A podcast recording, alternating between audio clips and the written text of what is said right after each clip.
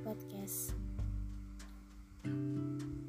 Halo semuanya, terima kasih udah mau mampir nih di Pikma Podcast Di mana podcast yang dibikinnya ketika wibu. Waktu Indonesia bagian overthinking. Ya soalnya so gitu sih anaknya so overthinking gitu. Oke, uh, kali ini aku mau membahas tentang self love Mungkin kalau kita membahas tentang self love tuh luas ya jadi aku ambil intinya aja nih sesuai judul How to see good in goodbye. Hah, gimana itu? Ya, jadi aku akan mengajak kalian untuk meninggalkan rasa buruk dalam diri kita entah itu karena kegagalan atau percintaan atau apa pun hal itu. So, let's be good together untuk meninggalkan masa itu di mana masa yang harus kita kubur dalam-dalam biar kita nggak stuck atau diam untuk meratapi. Kayak enggak banget gak sih kita masih diam di kegagalan kita? Ya karena kita harus maju jalan biar kita tuh berada di atas kegagalan-kegagalan kita. Karena ada satu statement yang aku tanamin di aku yang selalu aku katakan ke diriku please be You give yourself the permission to love again, to do again, and to try again. Ya, gimana kita mau mencoba kalau diri kita sendiri gak membiarkan diri kita mencoba? Contoh nih, ini contoh ya, bukan karena aku sekarang lagi merasakan, tapi cuma contoh.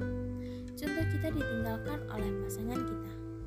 Kita diminta move on, kalau kita nggak pernah give permission kepada diri kita sendiri untuk mencintai yang lain, ya gimana kita mau ada di fase move on? Jadi, kita belajar mencintai orang lagi, belajar untuk mencoba lagi, belajar untuk melakukan lagi. Itu bukan hal yang mudah kan? Iya, aku tahu. Tapi coba kalian ingat-ingat, susah nggak sih men mengucapkan goodbye dalam zona nyaman? Nah, kalau udah nggak nyaman say goodbye itu mah kayak biasa aja kan. Tapi kalau say goodbye masih dalam keadaan nyaman tuh dan lagi happy happynya apalagi itu pasti susah banget. Cause I ever feel that karena aku pernah merasakan itu. Dan I know nggak semudah itu untuk say goodbye. Tapi kalian ingat-ingat deh kita ingat-ingat kalau kegagalan itu bukan dari diri kalian ingat-ingat nih ya kegagalan itu bukan dari diri kalian. You're not your pilot jadi kegagalan itu terpisah dari diri kalian. So secara sadar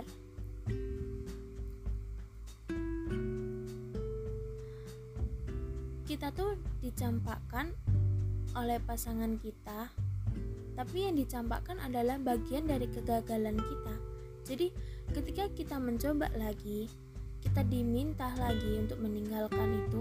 Ya ya yang kita tinggalkan itu sisi mencampakkannya bukan diri diri bukan dari diri kita sendiri. Contoh yang lain nih ketika kita gagal masuk PTN you're not your pilot. Mau mencoba lagi gimana caranya? Ingat-ingat bahwa kegagalan masuk PTN pada waktu itu itu bukan kalian, tapi kegagalan kalian. Jadi, diri kalian berhak sepenuhnya untuk mencoba lagi. Yang lain nih, misal ketika kalian ditinggal sahabat-sahabat kalian atau mungkin orang terdekat kalian yang pernah kalian percaya.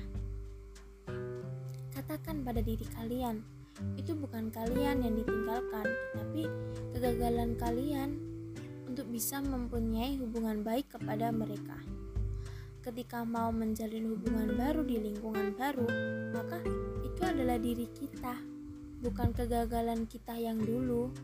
You're not your violet itu harus kalian ucapkan deh dan jadikan itu mantra otomatis untuk kalian berpikir seperti itu. Nah, yang terakhir nih, menciptakan support system.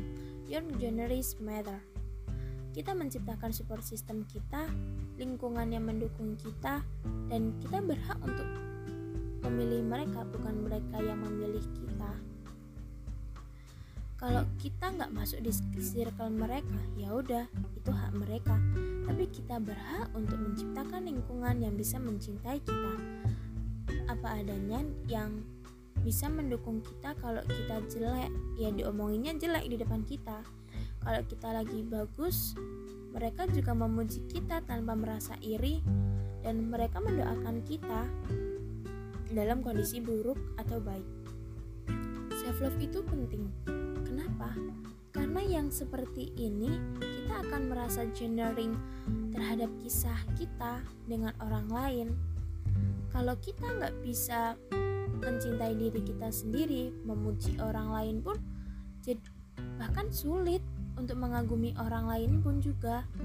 Jadi sulit karena kita nggak tahu apa yang kita kagumi pada diri kita sendiri. Maka dari itu self love itu penting. Cintai dirimu sendiri. Dan ingat ingat nih ya mencintai pencipta kita adalah pondasi dari segala cara mencintai apa yang ada di dunia. Jadi yang paling pertama itu setelah kita cintai diri kita. Kalau bisa sebelum diri kita nih itu tuh Tuhan kita Allah Tuhan kita. Baru setelah itu kita mencintai diri kita. Setelah itu kita baru mencintai orang-orang di sekeliling kita. Oke sampai di sini aku membahasnya. Kalau kalian berpendapat berbeda dari aku boleh kok kalian untuk menyampaikannya ke aku. Ya itu free sih. Oke. Okay. thanks for your attention. See you next time